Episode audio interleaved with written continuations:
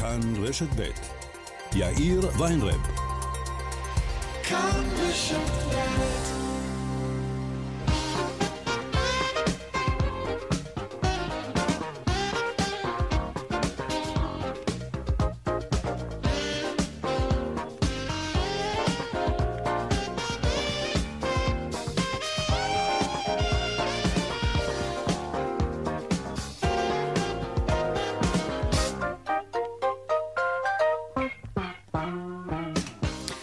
קצת אחרי ארבע ועוד חמש דקות כאן צבע הכסף ברשת ב', יום ראשון, שלום רב לכם, שבוע טוב, העורך רונן פולק, בהפקה יעל קטנה שקד.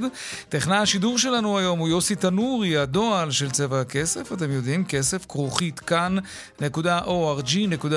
אני יאיר ויינרב, מעכשיו עד חמש, אנחנו מיד מתחילים.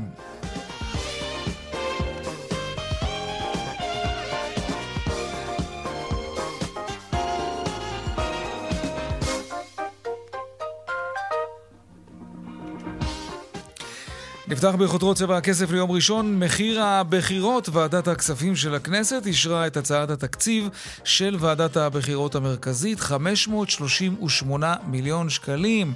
זה המון כסף. כמעט 30% מן הסכום הזה מוקצים לשכרם של העובדים ביום הבחירות. הצעת התקציב לכנסת הקודמת עמדה על כ-675 מיליון שקלים. זה היה בגלל שכ-231 מיליון שקלים הוקצו אז, אם אתם זוכרים, לענייני הקורונה, למאבק בקורונה, לאתגר של הקורונה במהלך יום הבחירות. זה קיים גם הפעם. בתקציב הבחירות הנוכחי שיהיו בשבוע הבא, הוקצו לקורונה כ-23 מיליון שקלים בלבד. מספר דורשי העבודה בחודש ספטמבר ירד ב-3% ושתי עשיריות ועמד על קצת יותר מ-150 אלף. אה, הירידה במספר דורשי העבודה מוסברת בעיקר במיצוי תופעת פיטורי הקיץ, שהשפיעה מאוד גם על הירידה במספר הנשים שדורשות עבודה, וגם צעירים וחרדים. היום פרסם שירות התעסוקה את מדד דופק שוק העבודה, ומהמדד הזה עולה כי נמשכת מגמת הירידה במספר תובעי הבטחת ההכנסה, ומספרם עומד על קצת פחות מ-57 אלף. מספר נמוך מזה שעימו נכנסה ישראל למשבר הקורונה אפילו. הנה דברים שאומר רמי גרעור, מנכ"ל שירות התעסוקה. הירידה יחסית במספר דורשי עבודה בספטמבר היא עדות לכך ששוק העבודה הישראלי עודנו הדוק וההזדמנויות התעסוקתיות שבו רבות. אם בעבר נדרשו למשק חודשים כדי להתאושש מהשפעת פיטורי הקיץ, הרי שהשנה נוכחנו לחזרה מהירה לעבודה כבר בספטמבר. מציאות זו אינה קורית מעצמה, אלא היא גם תוצאה של מאמצי עובדי שירות התעסוקה. יחד עם זאת, עלינו להמשיך במאמצים להחזרה איכותית של דורשי עבודה למעגל עבודה, במבט צופה פני עתיד. עכשיו לבלגן, בלגן ההמוניות בנמל התעופה בן גוריון, תורים ארוכים, שירות קטסטרופלי ומחירים מופקעים. שלום שרון עידן כתבנו, מה קורה שם בדיוק? תעשה לנו סדר. כן, שלום אחר צהריים טובים. היום אה, בבוקר מודיעה רשות שדות התעופה שהיא למעשה פותחת מחדש את המכרז בנמל התעופה בן גוריון, טרמינל 3, אה, לתחנות מוניות ספציפיות. צריך לומר שברקע אנחנו מדברים על הרבה מאוד אנשים שמתלוננים בימים ובשבועות האחרונים, שכל מי שנוחת בארץ, קוראים לו שני דברים. פעם אחת, אה, הרבה מאוד נהגים שפשוט מבקשים מחירים מאוד מאוד גבוהים, מסרבים להפעיל מונה, ועוד תופעה שאנחנו רואים שהולכת ומתגברת, נהגים שממתינים ב... בתוך הטרמינל עצמו, וממש מנסים ככה להשתלט ולבקש מאנשים אה, להצטרף אליהם לנסיעה, כמובן באופן לא מבוקר. הדבר הזה בעייתי מאוד. אני מזכיר שעד לפני כארבע שנים מוניות הדר היו הזוכים אה, בנמל באותו מכרז, אחר כך דובר על כך שייפתח מכרז אחר, זה לא קרה. בינתיים הבלגן כנראה חוגג שם, והיום הודיעה כאמור רשות שדות התעופה שהדבר הזה עתיד להיגמר, כלומר... בימים הקרובים יצא מכרז חדש לתחנה אחת או בכל מקרה להסדרה של תחנה או שתיים שיעבדו בנמל, וכך מקווים שגם העניין של המחירים המופקעים ביותר מדי מקרים, וגם העניין של לחכות באולם הנוסעים למי שמגיעים, mm-hmm. אה, כך מעריכים, ייפסק. כן, תודה רבה, שרון עידן. ועוד בצבע הכסף בהמשך על ההסתבכות של רשת זרה בישראל בעקבות הזמנתו של איתמר בן גביר לחוג בית בביתו של זכיין הרשת הישראלי. בחברה הערבית קוראים להחרים את מוצרי הרשת. בהמשך נבדוק עד כמה זרה צפויה בכלל להיפגע מהסיפור הזה, אם בכלל. וגם משבר הדיור, נדבר כאן עם מנכ"ל משרד השיכון, היום נפתחה הרשמה להגרלה השלישית של מה שמכונה דירה בהנחה. בהגרלה אה, יוגרלו כ-3,300 יחידות דיור, ועד לסוף השנה יוגרלו כ-9,000 יחידות דיור נוספות. והדיווח משוקי הכספים כרגיל לקראת סוף השעה, אלה הכותרות, כאן צבע הכסף. אנחנו מיד ממשיכים.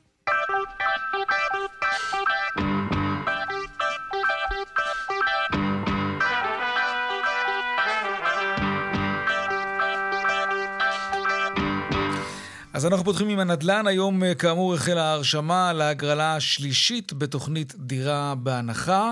משרד הבינוי והשיכון ורשות מקרקעי ישראל מציעים לזכאים כ-3,300 יחידות דיור. מדובר בהנחה של מאות אלפי שקלים. הבנייה תהיה בין היתר בירושלים, אה, באר שבע, אופקים, טבריה, עפולה ועמנואל. ההרשמה להגרלה תיסגר. שימו לב, תרשמו לעצמכם, ביום חמישי בשבוע הבא. שלום אביעד פרידמן, מנכ"ל משרד השיכון. שלום לך, שלום למאזינים. שכחת כמה ערים מאוד חשובות, שכחת את נוף הגליל, כן. שכחת את לוד, עיר חשובה לבני המגזר הערבי, יש גם mm-hmm. בסכנין וגם בכפר קאסם. מצוין. יש uh, בגבע בנימין המכונה אדם, mm-hmm. uh, גם שם יש. Uh, אנשים יכולים לבחור.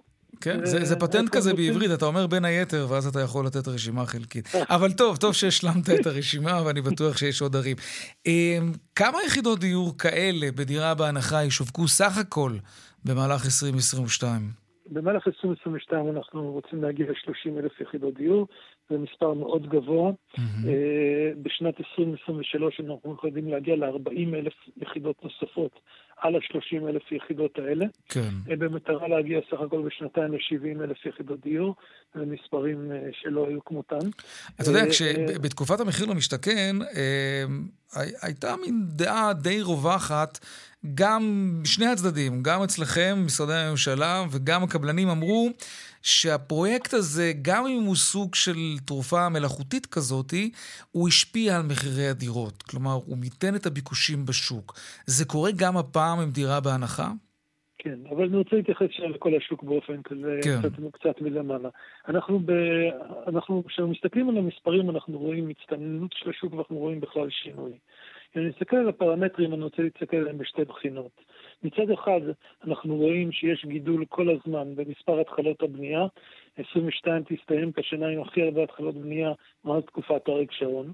בצד זה יש כל הזמן גידול בשיווקים. גם ב-21 וגם ב-22 הגענו למספרים מאוד גבוהים, רשות מקרקעי ישראל ומשרד השיכון, שלא היו כמותם. אה, בשתי השנים ביחד אני מאמין שנשווק למעלה מ-180 אלף יחידות דיור. אה, ובצד השני, תוסיף את עליית הריבית הגבוהה, את עליית מס הרכישה ואת הירידה המשמעותית של 50% אה, במשקיעים, וזה הסבר למה אנחנו כבר רואים את התופעה, דיברת בשבוע שעבר אצלך על זה שהמשכנתאות ירדו מ-13 מיליארד שקל בחודש ל-7 מיליארד שקל בחודש, שכמות המשקיעים נחתכה בחצי. תחבר את כל הפרמטרים הנהדרים האלה, מה יהיה עם מחירי הדירות? הם לא זזים במחירים. מה יקרה? לפי, כן. ה... אם אני צריך להעריך, אני מעריך שברבעון הראשון של 23 המספרים האלה יתחילו להתחבר. אתה אה, חושב? כי בינתיים, אה, אתה יודע, אה, הביקושים צונחים כמעט בכל המדדים. פחות עסקאות, פחות משכנתאות, אתה ציינת את זה. שום דבר לא זז, איך זה יכול להיות? אתה יודע, לדברים האלה יש תמיד תהליך. בשלב הראשון יש פחות עסקאות. בשלב השני יש יותר דירות על המדף. ועדיין מחזיקים מחיר. ועדיין אומרים לקהל, תקנו, תקנו מהר, כי מחר לא יהיה. באיזשהו שלב מתחילים להוריד מחירים, מתחילים לא להוריד מחירים, אלא מתחילים לתת הטבות. מתחילים להגיד לאדם, בוא תקנה ותקבל גם מתנה מטבח. בוא תקנה נכון. ונוסיף לך את השיפוט לדברים האלה. כן. אז אנחנו נמצאים בשלב הזה. בשלב הבא, זה כבר יהיה השלב שהקבלנים יגידו, אוקיי, הבנו. מתי? לא כדאי, לא כדאי להעלות מחירים. מתי זה יקרה? אני חושב שאנחנו נתחיל לראות את התוצאות של זה... את מה, מה זה תוצאות? בלימה או ירידה במחירים? למה אתה מתכוון? אני מדבר על בלימה קודם כל. Mm. בלימה אנחנו נראה בתחילת 23, ברבעון הראשון של 23. וירידת מחירים? אני לא מדבר על ירידה. אני לא? מדבר על בלימת, אני מדבר על, מדבר על בלימת אה, אה, העלייה. אה, אתה יודע, אני גם לא משתוקק, אני קודם כל בוא, בוא נבלום את העלייה של המחירים, ובעיקר מה שבעיקר המטרה שלנו, זה להגדיל כל הזמן את ההיצע. כל הזמן להגדיל את ההיצע. זה קצת מאכזב אבל שאתה לא מדבר גם על ירידת מחירים. אתה לא חושב שזה אפשרי שם?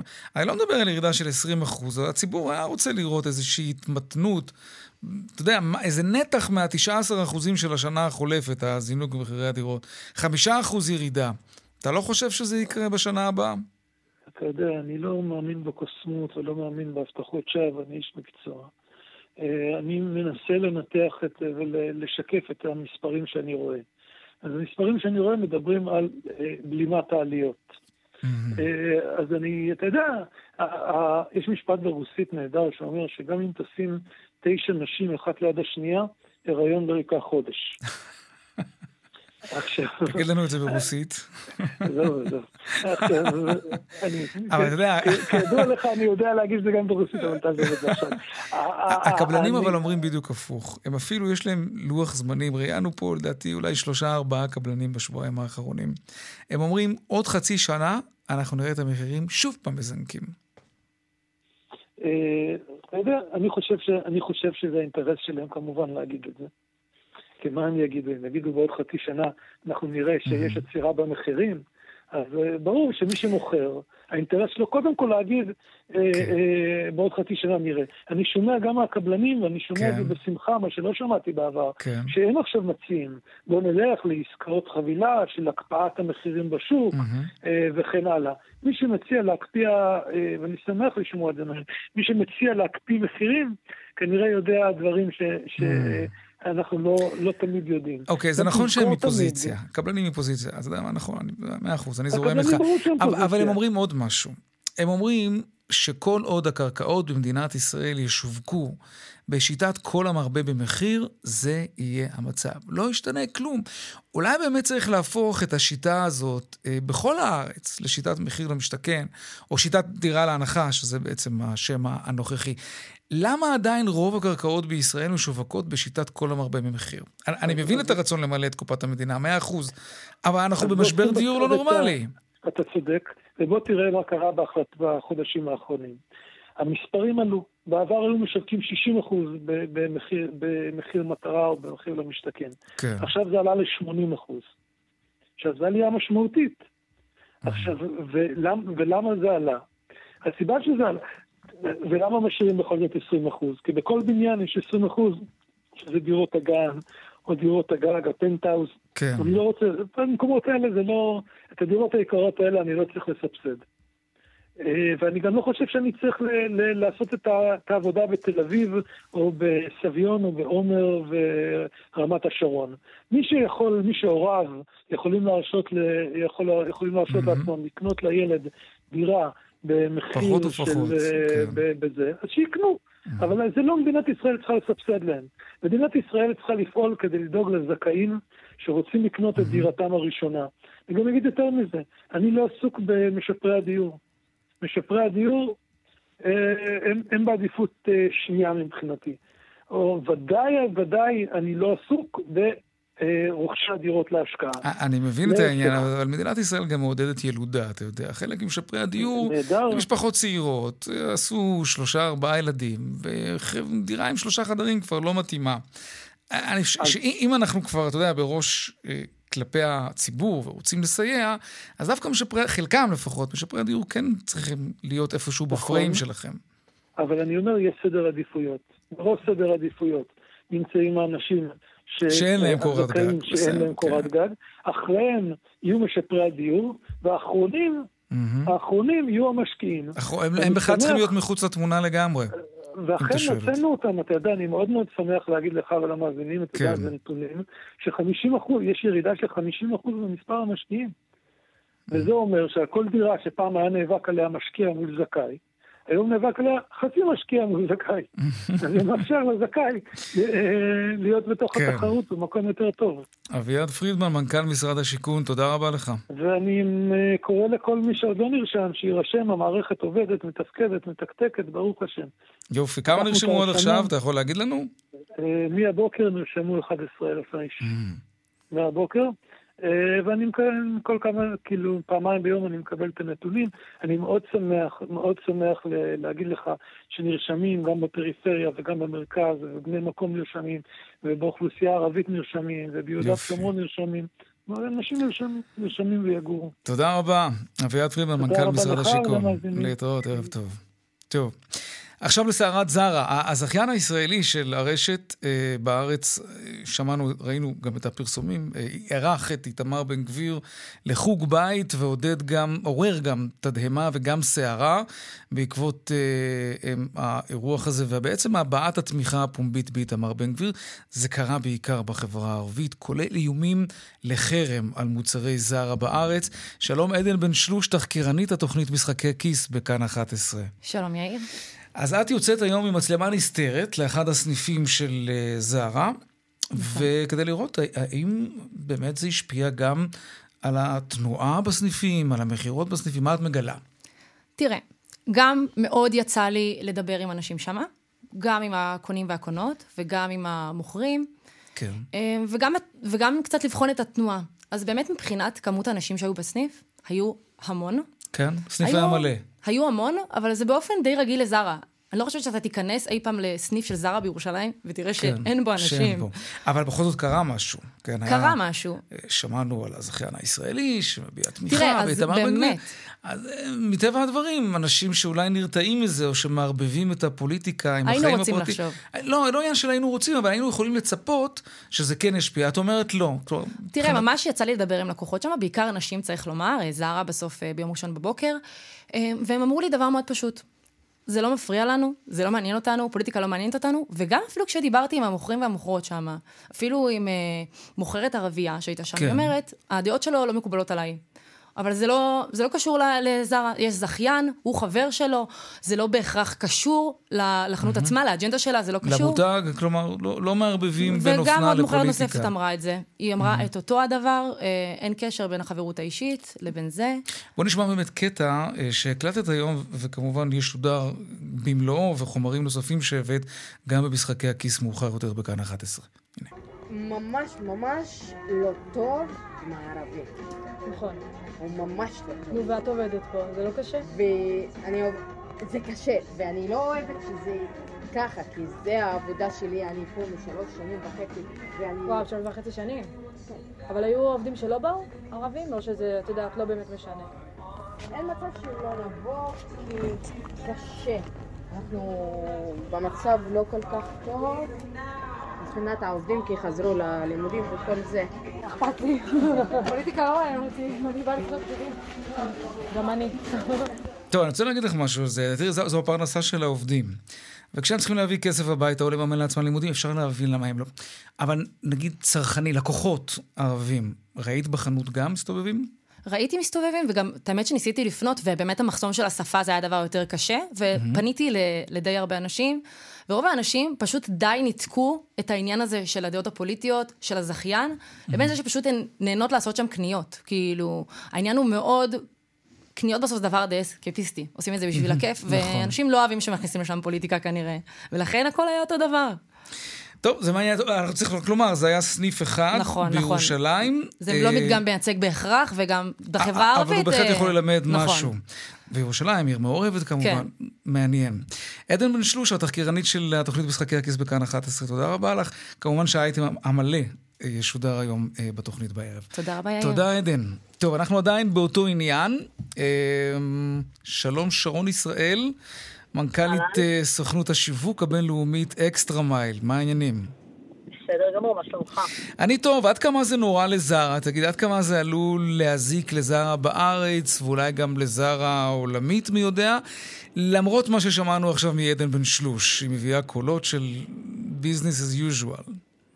קודם כל זה מאוד מעניין, שמעתי מה היא סיפרה. כן. אני חושבת שצריך להפריד פה בין הצרכנים לעובדים. צריך להסתכל, אנחנו תמיד אה, מקפידים להסתכל על כל ה... מה שנקרא, כל הסטייק הולדרס, כל הבעלי עניין כן. בארגון.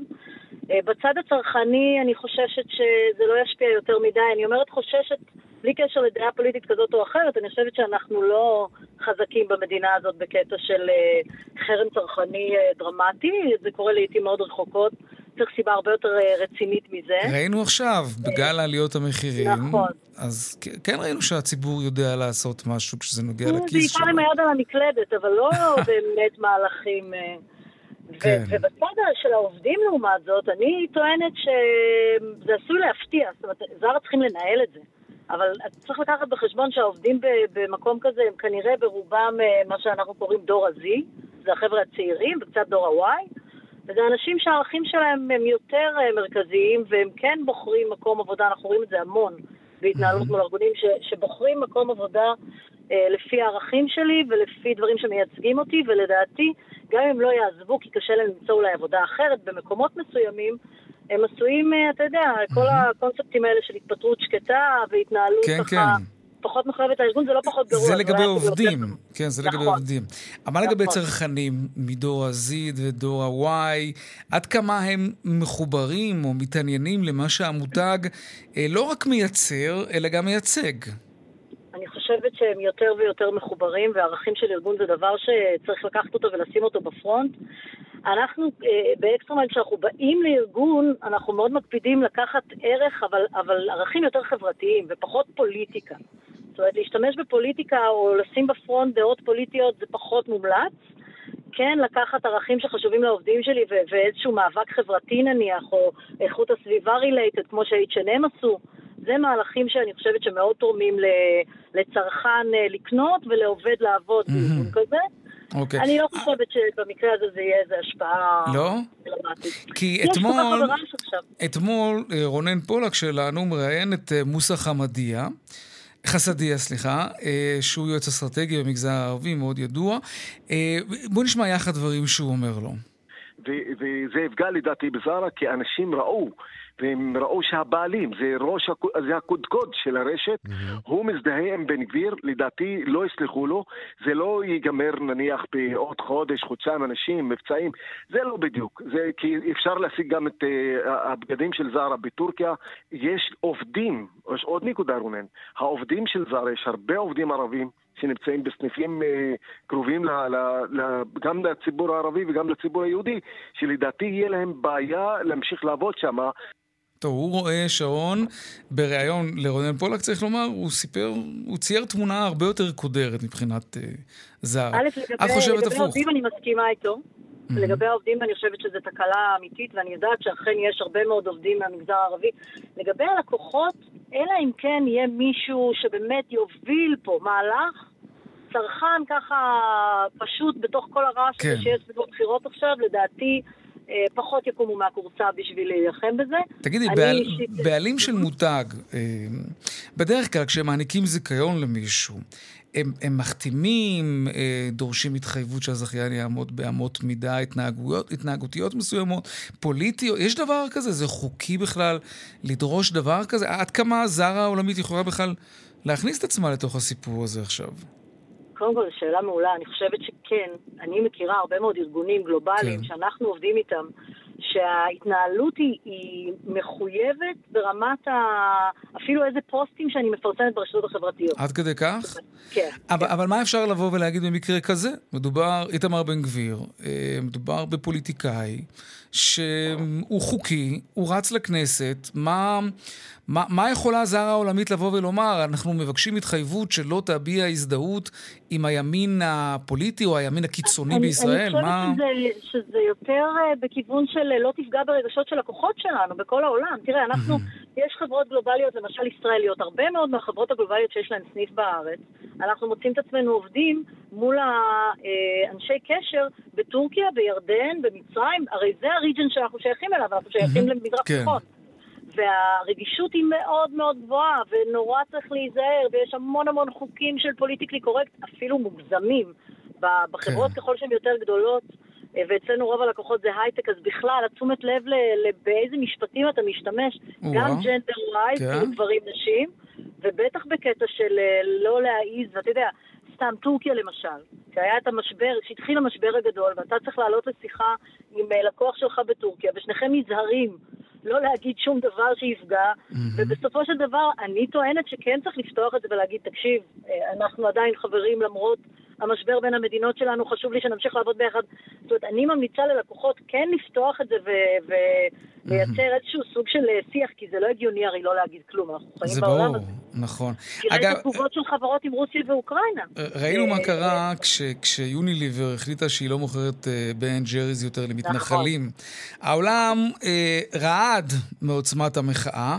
נכון. זה דומה לדעתך להחלטה של זכיין זרה להביע תמיכה פומבית במי שאומר שלפלסטינים אין זכות להגדרה עצמית? איתמר בן גביר כמובן. זה, זה דומה. את רואה דמיון? תראה, אני לא רואה דמיון, כי אני לא חושבת, עוד פעם, ובלי בלי שיסיקו מזה שאני תומכת במה שהוא כן. תומך בו, which I don't, אבל uh, אני לא רואה דמיון. אני חושבת שזה, שזה בסדר ש, שמנהל עסקי מביע דעה פומבית, אני חושבת שהוא היה צריך להיות הרבה יותר זהיר. במה שהוא מתנהל, איך שהוא מתנהל בתוך הבית שלו, זה לא יכול להיות משהו שהוא באמת מוביל מהלך כזה mm-hmm. של uh, אירוע, uh, כי יש לזה השלכות, אבל אני לא, אני לא חושבת שזה אותו דבר. כי הוא לא מוביל מהלך פוליטי. פה היה חברה שקיבלה החלטה שהיא פוליטית פסולה, לא לגיטימית בעליל. Uh, זה שונה. שרון ישראל, מנכ"לית סוכנות השיווק הבינלאומית אקסטרה מייל, תודה רבה על השיחה תודה הזאת. תודה לך.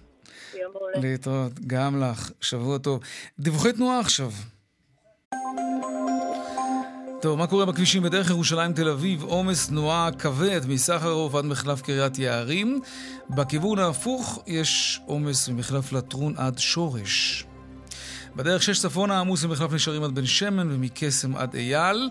ובאיילון צפונה עומס ממחלף חולון עד קק"ל ודרומה מרוקח עד לגוארדיה. עדכוני תנועה נוספים בכאן מוקד התנועה כוכבי 9550 זה הטלמסר שלנו, אבל לא רק שם, גם באתר של כאן וביישומון של כאן, הפסקת פרסומות, ומיד אנחנו חוזרים ונדבר על עושק הפקדונות של הבנק. מה קורה? האם בנקים יתחילו לשלם ריבית נורמלית על הפלוסים שלנו? דנה ארקצי תהיה כאן עוד מעט עם הנתונים שמפרסם היום בנק ישראל.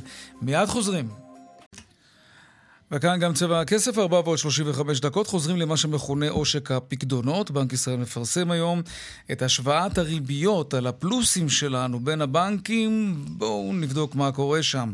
דנה ארקצי, כתבתנו לענייני כלכלה, שלום. שלום יאיר. ספרי לנו. כן, נכון. אז אחרי שבנק ישראל פרסם נתונים על חודש אה, אוגוסט, אז uh, עכשיו מגיע תור של uh, חודש ספטמבר. יש שיפור? אנחנו רואים שיש שיפור.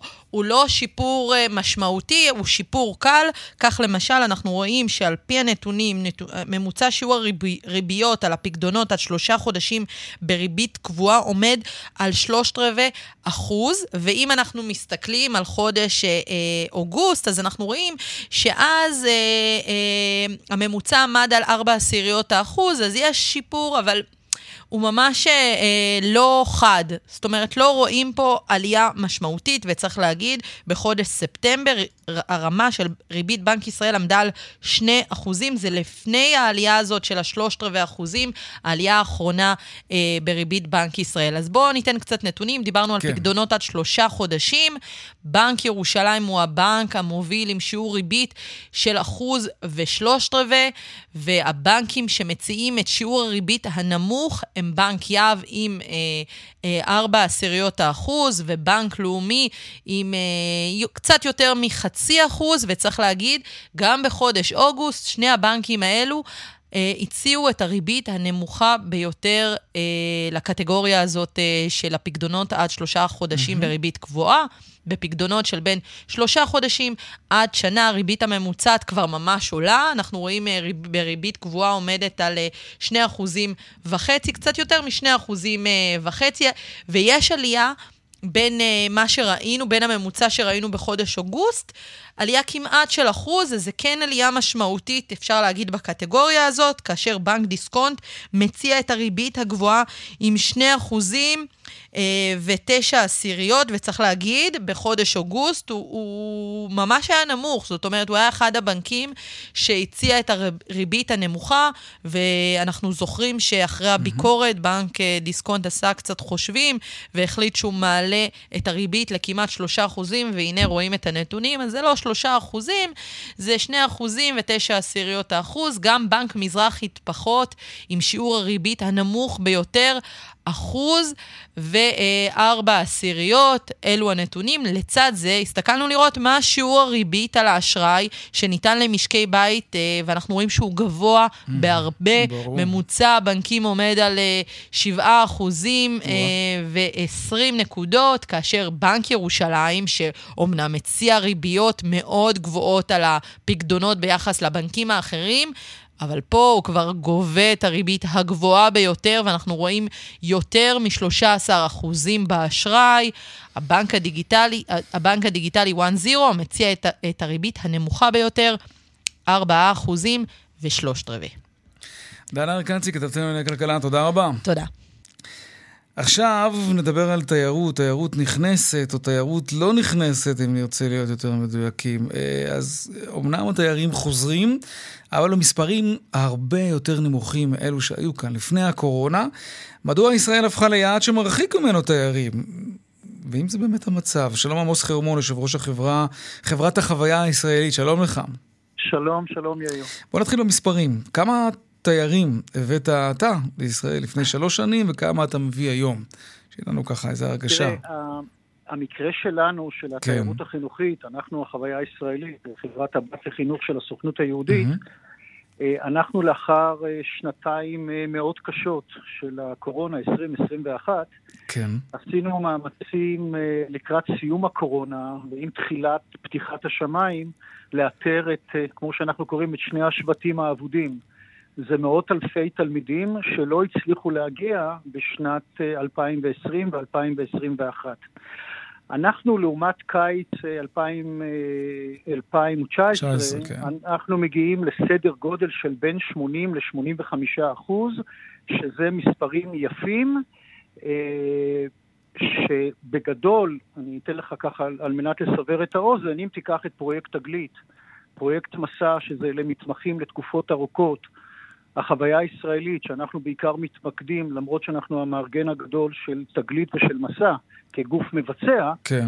יש לנו למעלה מ-20 אלף צעירים מתחת לגיל 18, אגב, אולי האוכלוסייה החשובה ביותר שאינה מסובסדת כלל וכלל, אנחנו אה, בסדרי גודל של בין 80 ל-90 אלף אה, משתתפים בשנה, זה מה שנקרא התיירות החינוכית. אז זה נשמע לא רע בכלל. אז, אז... נכון, אנחנו לעומת אה, אה, הבעיה המרכזית שלנו, יאיר, זה לא כן. המספרים, אלא רמת התלונות על התשתיות התיירותיות בארץ. הם הגיעו לסדרי גודל שלא הכרנו בעבר. מה זאת אומרת? הרי לא, לא השתנה משהו מדבר, לעומת שנתיים, שלוש אחורה. השתנה הרבה מאוד כן? בשנה שלאחר, כמו שאתה יודע, התיירות, התיירות הנכנסת זה הענף הראשון בתעשייה שנפגע. נפגע בצורה הקשה ביותר, שזה mm-hmm. כולל את התעופה הלאומית וכן הלאה, וזה הענף האחרון שכנראה יצא, מ, יצא מן אותו, מאותו ברוך שהוא היה בו בכל השנים. אם להזכיר לך, עד יוני, יולי 21, הממשלה הקודמת עוד נתנה חל"ת, אולי לעובדים מבחינת רמת ההכנסה הנמוכה ביותר. ומאותה תקופה והלאה, כל העזרה הזאת אה, למעשה כבר לא קיימת. באופן מעשי, אה, רמת הניקיון, אני, אני מבין את בתי המלון שמשרתים אותנו, בתי הערכה, מלונות בדרגה של שניים ושלושה כוכבים, בתי הערכה, השטחים הפתוחים וכן הלאה. רמת התלונות, כיוון שהם גם לא השיגו כוח אדם, זה ברמת התשתיות, mm-hmm. ניקיון, אוכל, אה, נהגים לחברות התחבורה למשל, שחסרים במאות, ובעיקר, אנחנו תיירות חינוכית. אנחנו השתמשנו באלפי, מה שנקרא תווי תקן. אלה מורי דרך שמוכשרים על ידי משרד החינוך ויודעים לנהל ברמה החינוכית את אותן קבוצות. אנחנו איבדנו למעשה למעלה מ-70% מהם. אין לנו היום תשתית חינוכית שיכולה ללוות מאות אלפי צעירים יהודיים בארץ ולהעניק להם את אותם... אה, מה זה איבדנו? לאן, לאן הלכו כל מורי הדרך האלה ולמה הם לא חוזרים? אתה יודע, אנשים שהולכים לעבוד אתה... בזה, זה אנשים שבאים מתוך אהבה למקצוע, נכון. זה לא שהם חיפשו איזה, אה, אוקיי, נהיה מורי דרך. לא, לא, לא, זה לימודים מאוד קשים, זה הסמכה נכון, מפרכת. נכון. למה לא יאיר, חוזרים? אני לא, אני לא רוצה להזכיר לך ש, שגורמים אה, חכמים וחכמים יותר הפנו את כל מי שמתעסק בהוראת הדרך כן. ובהוראה חינוכית, לעשות את בדיקות קורונה וללכת למקום אחר. כן, אה, טוב, זה כבר היסטוריה די רחוקה. לא, זה היסטוריה רחוקה. החבר'ה האלה לא חוזרים למחרת. אתה לא מקי... מזמין קבלן ניקיון שמנקה את המלון וכן הלאה. אנחנו צריכים להתחיל לבנות עכשיו, וזו הפנייה שלנו למשרד החינוך, למשרד ראש הממשלה, למשרד התיירות, לבנות מחדש את התשתית הזאת.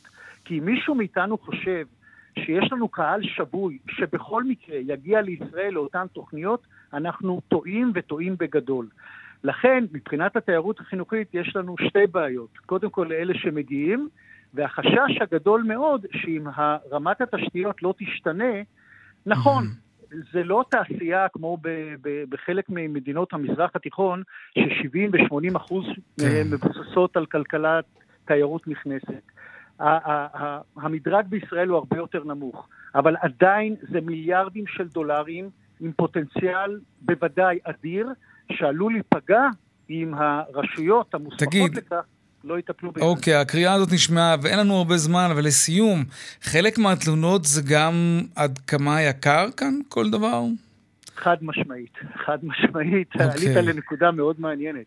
נרגעתי, והתחלתי לחשוב שמשהו לא בסדר. לא, לא. תשמע, זה, זה, זה לא בכדי שהקוטראי והתלונות, כן. וכמו שאמרתי, חלק גדול מהילדים לא מסובסד.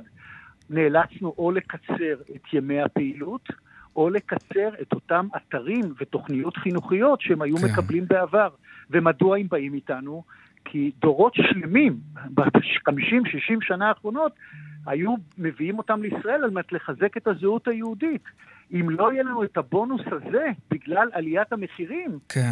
אה, בסיכומו של דבר, אה, חלילה הם יוותרו עלינו, וזה עמוס. אסור שיקרה.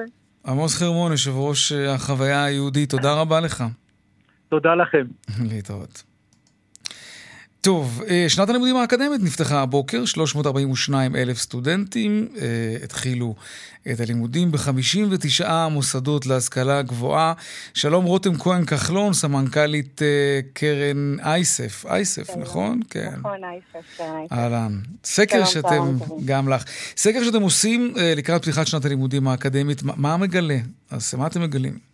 כן, אנחנו בעצם בקרן עין, שזו קרן שהמטרה שלה לצמצם פערים על ידי השכלה גבוהה, גילינו אה, ש-41% מההורים הישראלים מעידים שהם לא יוכלו לסייע לילדים שלהם במימון התואר האקדמי. שבדרך כלל הרוב זה באמת בתואר הראשון, שזה העזרה המשמעותית. אה, שאנחנו ככה מפלחים את, הסקר הזה, אנחנו מגלים עוד הרבה דברים על החברה הישראלית. אה, אנחנו רואים שהורים לא יכולים כבר מעכשיו, גם אלה שיש להם כבר ילדים קטנים, מעידים שהם כבר יודעים שהם לא יוכלו לממן את הלימודים אה, כש, אם וכאשר ילדים שלהם יגיעו אה, לאקדמיה. ובאמת אנחנו מתעסקים באייסף הרבה בשוויון הזדמנויות בחינוך, ואנחנו עוסקים כן. מהגילאים של חטיבות הביניים והתיכון, מכינים כל מה שאפשר את הילד שיגיע, ואנחנו עוסקים המון בפריפריה וכולי. והוא מגיע כבר לספסל הלימודים, מגיע אוקטובר, ה-23 באוקטובר, ומה קורה אז? Uh, ואנחנו רואים תמונה, לצערי, שהיא תמונה מאוד מאוד מאוד uh, עגומה. אבל את יכולה uh, לצייר לנו תמונה במספרים עד כמה המצב הידרדר? כלומר, עד כמה המספרים היו אחרים, נגיד, לפני שנה, שנתיים ושלוש, מבחינת היכולת של הורים כן לסייע? ראינו, אז אנחנו כן ראינו עלייה של מעט אחוזים בתקופת, בתקופת הקורונה בשנתיים האחרונות. כן. המספרים פחות או יותר נשארו יציבים. זאת אומרת, כשאנחנו מדברים על מוביליות וכולי, והיכולת של האדם לפרנס את המשפחה שלו, אנחנו בדרך כלל מדברים על הדברים הבסיסיים, על שכר אה, אה, דירה ועל אה, מזון וכולי. אבל כשמדברים על תואר אקדמי, לצערנו, הרבה פעמים אה, הורים רואים את זה כמובן אלה שהפרוטה לא מצויה בכיסם, כדבר אולי השלישי, הרביעי, החמישי, בסדר העדיפויות, שצריך להביא בסוף לחם אה, אה, הביתה. ברור. אה, אז אנחנו, הסיפור הזה הוא, הוא סיפור שמוביל אותנו לחברה, לצערי, אה, מקוטבת, עם פערים כלכליים אדירים ועצומים.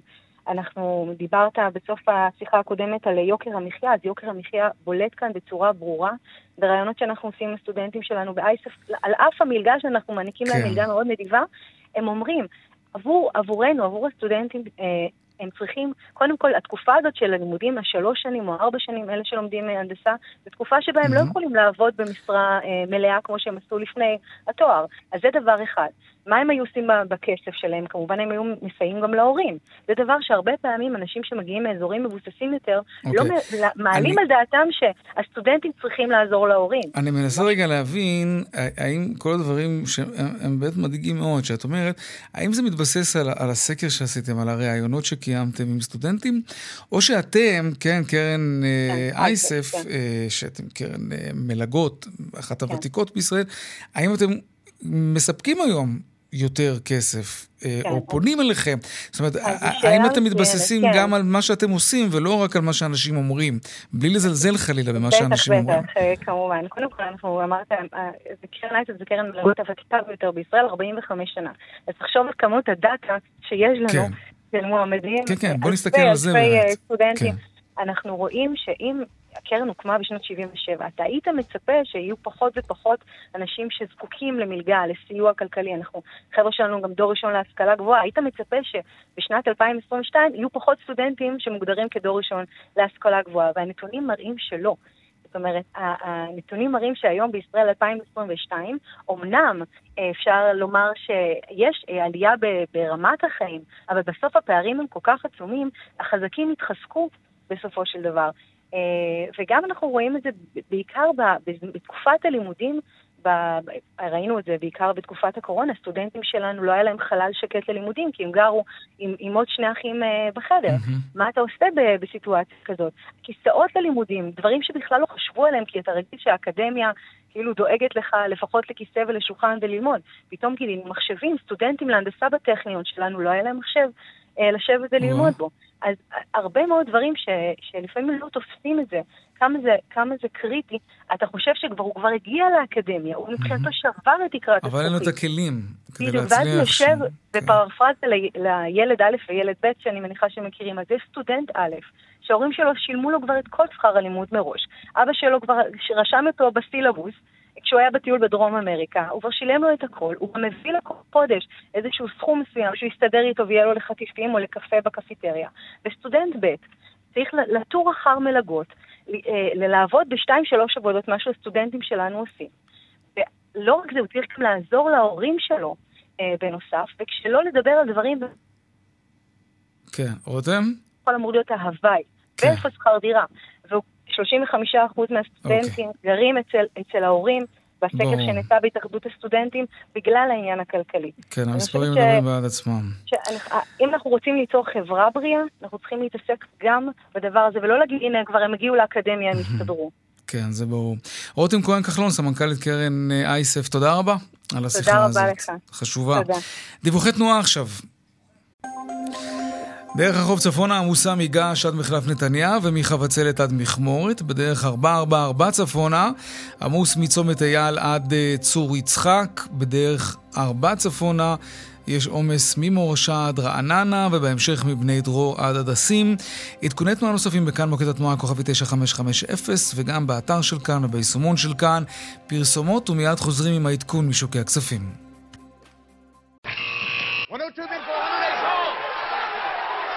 200, take them.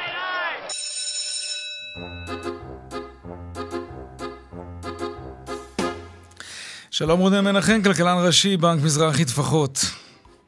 שלום יאיר, מה שלומך? בסדר גמור, תודה. איך נפתח שבוע המסחר?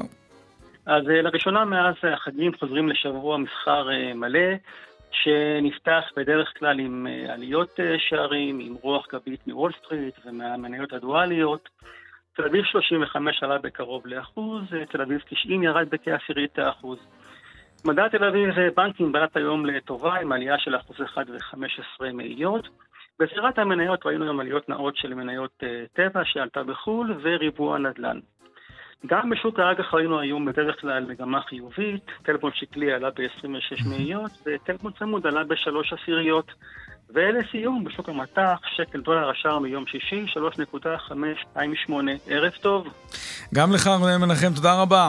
עד כאן, צבע הכסף ליום ראשון, העורך רונן פולק, בהפקה יעל קטנה שקד. הטכנאי יוסי תנורי, במוקד התנועה חגית אלחייני, הדואל שלנו הוא כסף, כרוכית, כאן.org.il. מיד אחרינו בנימיני וגואטה, אני יאיר ויינרב.